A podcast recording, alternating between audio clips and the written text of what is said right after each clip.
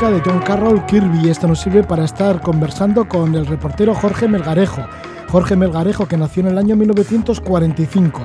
Ha sido corresponsal en Jerusalén y en Caracas. Está especializado en conflictos bélicos. Así, sobre el terreno ha estado en Ruanda, en Burundi, en Bosnia, en Irak, en Irán, en Kurdistán, Oriente Medio, Sudán, Colombia, Venezuela, Cuba y especialmente Afganistán, en donde ha tenido una relación con este país de 25 años. Informó de varias guerras que ha tenido Afganistán, por ejemplo la que tuvo contra la Unión Soviética, también la época de los talibanes y posteriormente. De ello ha editado un libro con el título de Afganistán, la guerra enquistada, que se publicó en la ERTES. En un anterior programa de Levando Anclas, Jorge nos contó sus múltiples incursiones en Afganistán, muchas de ellas de manera clandestina, fue testigo directo de la voladura de los milenarios budas de Bamiyan y fue herido en primera línea de fuego. Y también nos narró cuando tuvo un infarto en los montes Kandil, en el Kurdistán iraquí, en donde entrevistó al jefe del PKK, la guerrilla kurda salió a duras penas de aquellas montañas con ese infarto que le dio. Y en esta ocasión le tenemos de nuevo a Jorge Melgarejo, que nos cuenta cómo fue secuestrado por los fundamentalistas y condenado a muerte, esto en Sudán. Y también, si nos da tiempo, pues hablaremos de su estancia tanto en Venezuela como en Colombia. Le damos la bienvenida a Jorge Melgarejo. Muy buenas noches, Jorge. Muy buenas noches, querido Roge. Encantado de estar en tu programa. ¿eh? Jorge, pues que han sido muchos años como reportero, de estar en primera línea hay en diferentes conflictos bélicos. Jorge, y, muchas veces mm, das gracias a la vida de, de, eso, de haber vivido todo aquello y estar vivo y poder contarlo. afortunadamente sí, pero claro, tampoco es que eh, eh, no, no, no suelo caer, no quiero caer, caer en la en, en, la historia de las de, de, los cuentos del abuelito, ¿no?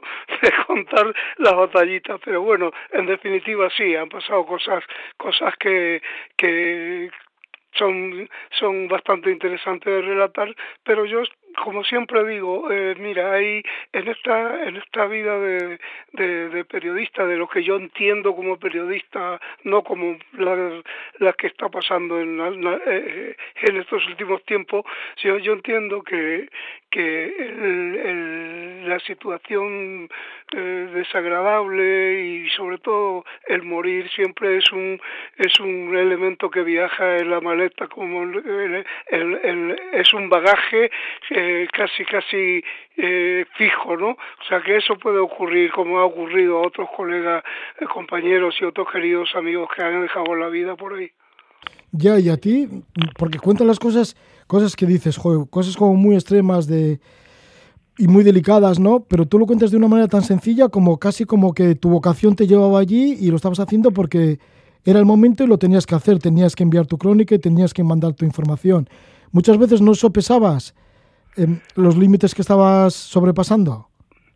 Sí, no, yo creo que yo creo que nosotros eh, a lo mejor a lo mejor un poco de manera pretenciosa eh, eh siempre no sé, le quiero restar importancia a algunas cosas, pero pero sí que yo entiendo que quizás nosotros tenemos que ser o somos un poquito los ojos y los oídos de, de, la gente, sea, somos que tenemos que contar las cosas. Ahora, con, un, con unos pequeños matices, y el matiz está en, eh, digamos, en la imparcialidad.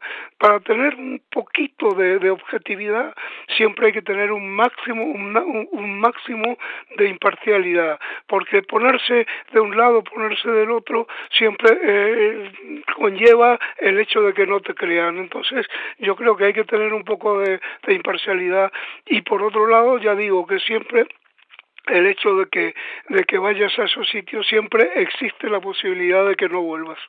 Jorge, siempre existe la posibilidad de que no vuelvas. Y cuando estabas en Afganistán, que has tenido esa relación de 25 años, ¿llegó algún momento, por ejemplo, cuando fuiste herido en primera línea de fuego, que dices, ya no vuelvo más, ¿para qué me meto yo en esto?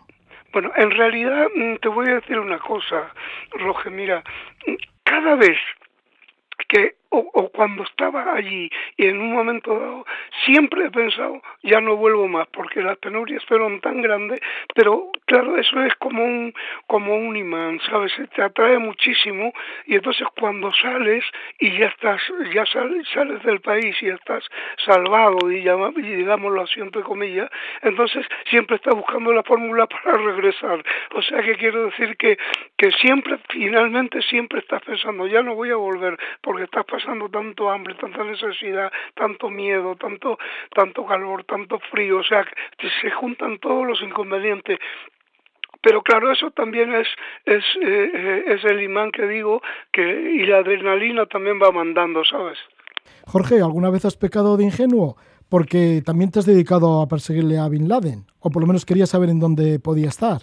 Bueno, el, el, el, el tema es que yo seguí los pasos de él mucho y mm, cuando la verdad es que eh, yo me había llevado una una mm, una cámara de vídeo y todo esto porque eso en realidad no era no era mi mi eh, digamos lo que yo mejor sé hacer pero eh, tenía la posibilidad de hacer, hacerle una entrevista a él.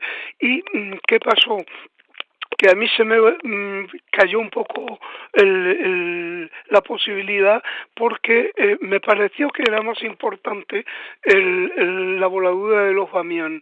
Y en, en aquellos momentos tampoco es que fuera una obsesión lo de Bin Laden, es decir, que, que surgió en ese momento la, la, mm, la voladura de los Bamián y me pareció que era más interesante y que podía tener eh, eh, mayor repercusión dentro de la cuestión cultural y una serie de cosas y le di igual más importancia y yo me perdí aquella posibilidad que a lo mejor tampoco hubiera se hubiera hubiera concretado pero había esa posibilidad. Desgraciadamente mm, eh, pues mira lo dejé para un lado e incluso cuando cuando me fui a Sudán si él estaba allí claro que estaba allí estaba allí y porque había tenido sus más y sus menos con con los mujahidines eh, tayikos y todo todo esto. Es, es decir que no el gobierno lo habían tomado los, los mujahidines que no eran muy partidarios de él.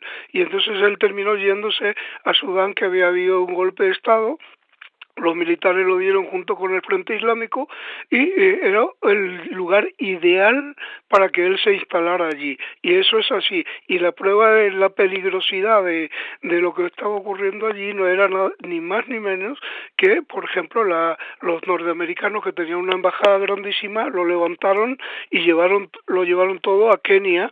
Es decir, que, que no es que en Kenia no tuvieran nada, es que simplemente todo lo de Sudán lo llevaban desde Kenia. ¿Por Porque en Sudán estaba lleno de fundamentalistas, entre ellos Bin Laden y sobre todas las cosas también estaba Carlos, el, el famoso chacal, y, mm, había muchísima gente, eh, digamos, que hacían peligrar la estancia de ellos en, en Sudán. Con lo cual, eh, en, en, un momento dado yo fui para allá, fui a, fui a, fui a Sudán, eh, mm, un poco ya te digo, siguiendo un poco esos pasos, pero también para, para ver la situación que había allí en ese momento, ¿no? que, que era un país africano con, un, con un régimen que no estaba muy claro qué es lo que querían y a dónde querían ir, por puesto que lo habían hecho los militares, y bueno, eso fue un poco así en, en términos general la, la, eh, digamos, la persecución, entre comillas, de Bin. Así que sí, fuiste al encuentro de Bin Laden, pero bueno, te he dicho ingenuo porque parece ser como que era casi como un, imposible, una utopía. Y hay que decir que para ti, Jorge, pues sí que has llegado a estar con muchos guerrilleros de muchas partes del mundo, ya pueda ser Colombia, como pueda ser ya en el Kurdistán o en otros muchos sitios, ¿no? O has entrevistado a presidentes o a primeros ministros, como pueda ser Benazir Bhutto, mujer que fue dos veces primer ministro en Pakistán, le entrevistaste en su residencia en Karachi, pero bueno, el caso es que ahora te fuiste en busca de los pasos de Bin Laden a Sudán. En Sudán estuviste tres veces, pero en una de ellas sí que te sucedió algo bastante grave, ¿no? Porque te secuestraron. Bueno, eso mm, también también eh, forma parte un poco eh, quizás de la entre comillas irresponsabilidad que algunas veces llevamos a cabo y es y es porque eh, como como es, es, sabido, los, los, los días viernes en, en, el mundo musulmán es un día sagrado, es un día como para nosotros el domingo, pero incluso más acentuado, independientemente de que Sudán fuera un, un país un país eh, multireligioso, ¿no? Pero pero en principio en principio era un viernes, un viernes yo recuerdo que eh, no sé por qué mm, eh, no tenía ganas de, de, quedarme allí, pero además había pensado en ir a hacer eh, una entradilla, porque estaba grabando algo para hacer un programa y dije, bueno, vamos a ir a, a, la puerta de esa mezquita en, en Ondurman. Ondurman es al otro lado del, del, del Nilo eh, que es la, la, la ciudad, digamos, eh, limítrofe, hermana gemela de, de Jartum. Entonces, ahí unos, unos fundamentalistas un fundamentalista, mejor dicho, había, había ametrallado desde la puerta de la mezquita a, a un montón de gente y mataron, mató a una cantidad enorme de ellos. Y entonces quería hacer una entradilla en la puerta de esa, de esa mezquita. Pero antes de llegar allí, pasé por un, pasamos por un sitio, digo pasamos porque iba con el cámara, más el chofer y más el traductor.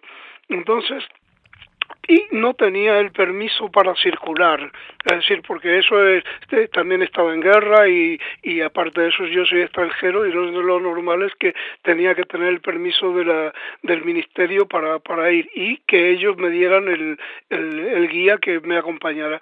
Pero bueno, en principio como no tenía, pero y, y fuimos, a, ya por eso decía que era un poco de irresponsabilidad, al llegar allí eh, mm, vi como había una especie de campo de refugiados, una, una, cosa muy extraña, pero donde había animales muertos que se estaban carneando, aquello era un, un, un como, como un desastre para la visión, ¿no? Eh, y empezamos a recorrerlo y, a, y, y el cámara a grabar. En ese momento aparecen como no sé, entre 10, 15 o 20 personas, yo no los conté, pero era un grupo numeroso de, de gente um, armada hasta los dientes. Y eh, estas, estas personas nos, nos rodearon y empezaron a pegarnos y a, a ponernos de rodilla, de rodilla en el suelo. Entonces el, el, el chofer obviamente eh, vio aquello y salió disparado y salió corriendo. Y el, el guía que intentó explicarle al, al hombre que era exageradamente agresivo, empezó a explicar nuestra presencia y, y darle un poco de, de, de, eso para que para que no nos tratara de esa manera, pero entonces le llenó de bofetadas y le, le pegó muchísimo y a nosotros nos dejó allí de, de rodillas. Y llamaron a un personaje más importante más importante que llegó y este personaje en, un momento determinado eh, que me pareció bastante más blando que el que el otro y aparte de eso eh, eh, como como más generoso llamémosle así. Entonces este señor mm, nos ofreció unos asientos que tenía ahí muy rústicos y yo me senté a su lado. Y me pareció que ya era un, un, un, un, buen camino porque que me ofrecieran un asiento y tal ya me parecía que era que estaba llevando una buena senda. Y en un momento determinado en un momento determinado eh, yo tenía en el bolsillo eh, un montón de fotografías que yo las había metido allí en el bolsillo del chaleco y eh, mm, como estaba sentado al lado de él y él tenía las manos en sus rodillas, yo mi mano se la puse sobre la suya es decir, porque ya digo que, que, que en el mundo musulmán y sobre todo en los, entre los árabes y los afganos, es decir, eh, van siempre cogidos de la mano, si el mensaje de la mano tiene mucha importancia. Entonces, este, yo le puse la mano sobre su mano él sacó la mano que tenía debajo y me la puso encima y yo le dije, ¿puedo poner las manos en mi bolsillo? Y entonces, previamente él me había dicho me había dicho que allí, él me dijo, mire, eh, están en un terreno donde no pueden estar personas que no son musulmanas, que son islámicos, y eh, esto aquí eh, se paga solo de una manera, con la muerte. Yo tenía puesto en mi cuello, un, uno de los hombres que tenía rodeado, el cuchillo en el cuello. Yo creo que en aquellos momentos yo digo envejecí mil años decía porque porque era una situación muy tensa. Entonces fue cuando yo le puse las manos así y él y, y le dije me permite poner las manos en mi bolsillo todo eso lo decía porque yo no me podía mover para un lado u otro por el sentido de que tenía este señor con el cuchillo y, en cualquier momento podía, podía podía mover la mano y cortarme el cuello.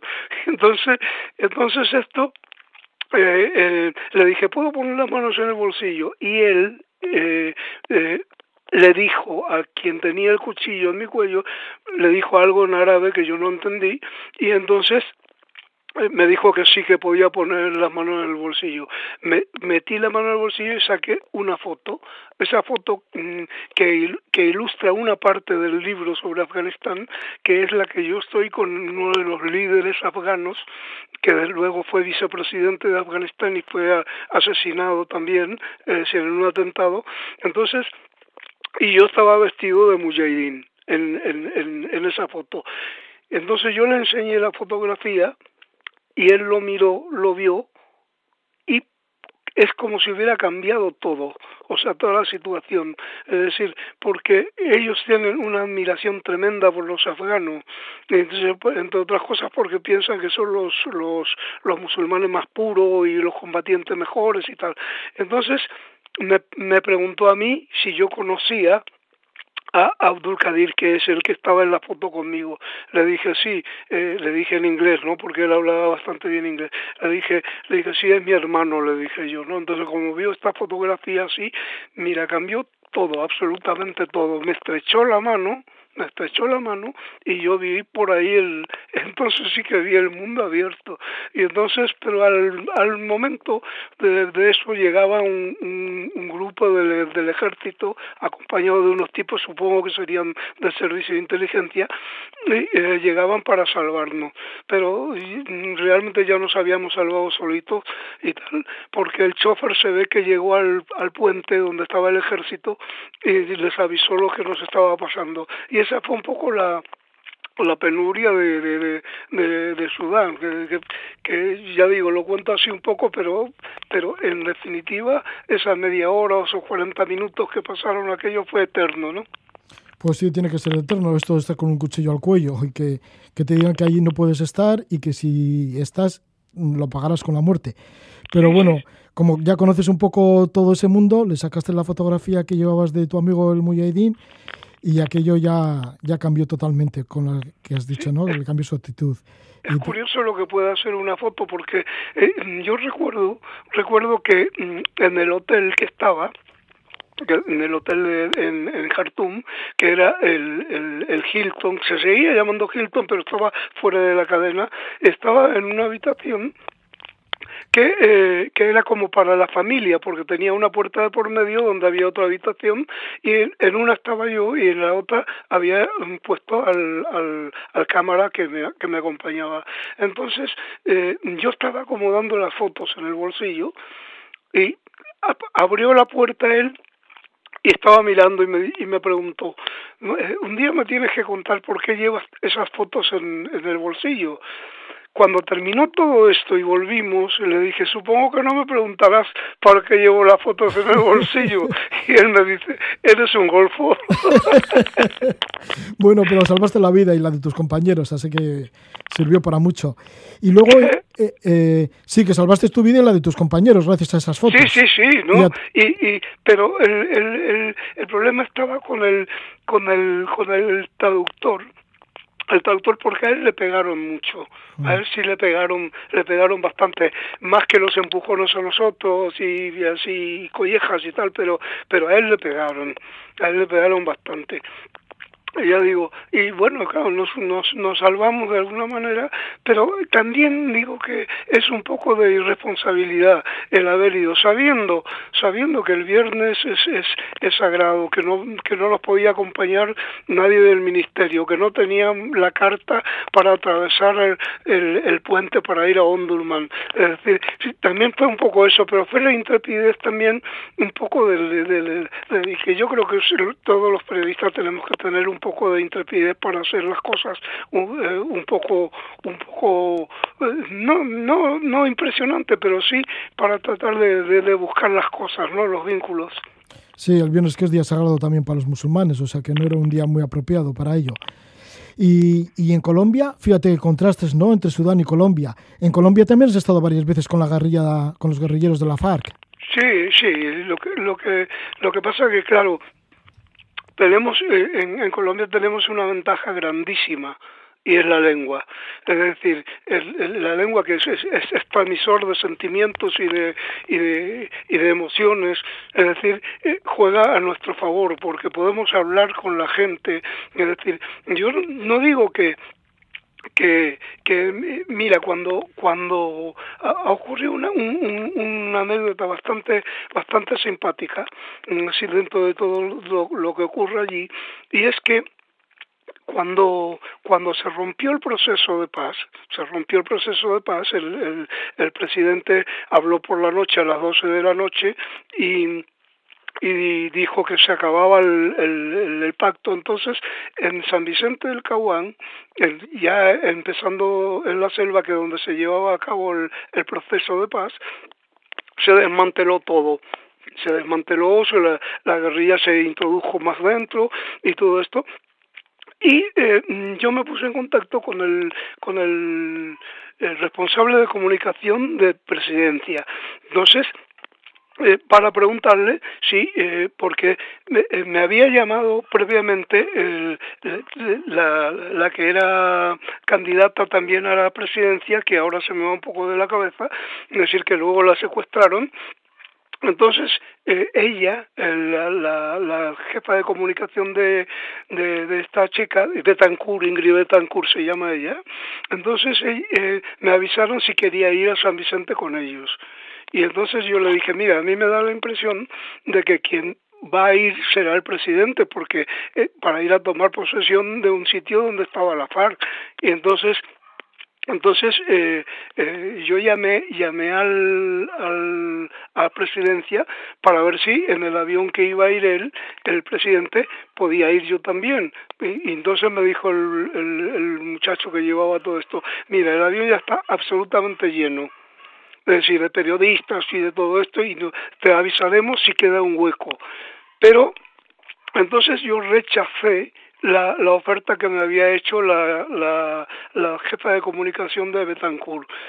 Y ella se llevó en el, en el, en el, porque le pregunté cómo vais a ir. Bueno, vamos a ir en un avión y luego vamos a, en un helicóptero, perdón, y luego en una camioneta del DAS, del, del servicio del ejército, mm, tal. Y yo dije, pero bueno, ¿cómo vais a ir en, en un vehículo del DAS? Eso os va a parar la, la, la FAR en algún sitio y os va a ametrallar. Y entonces yo decidí no ir. Y efectivamente, el, la, la FARC les paró la secuestraron a Ingrid Betancourt, que era candidata presidencial, y también a su, a su jefa de comunicación y a un periodista que era, curiosamente, de la revista Vogue.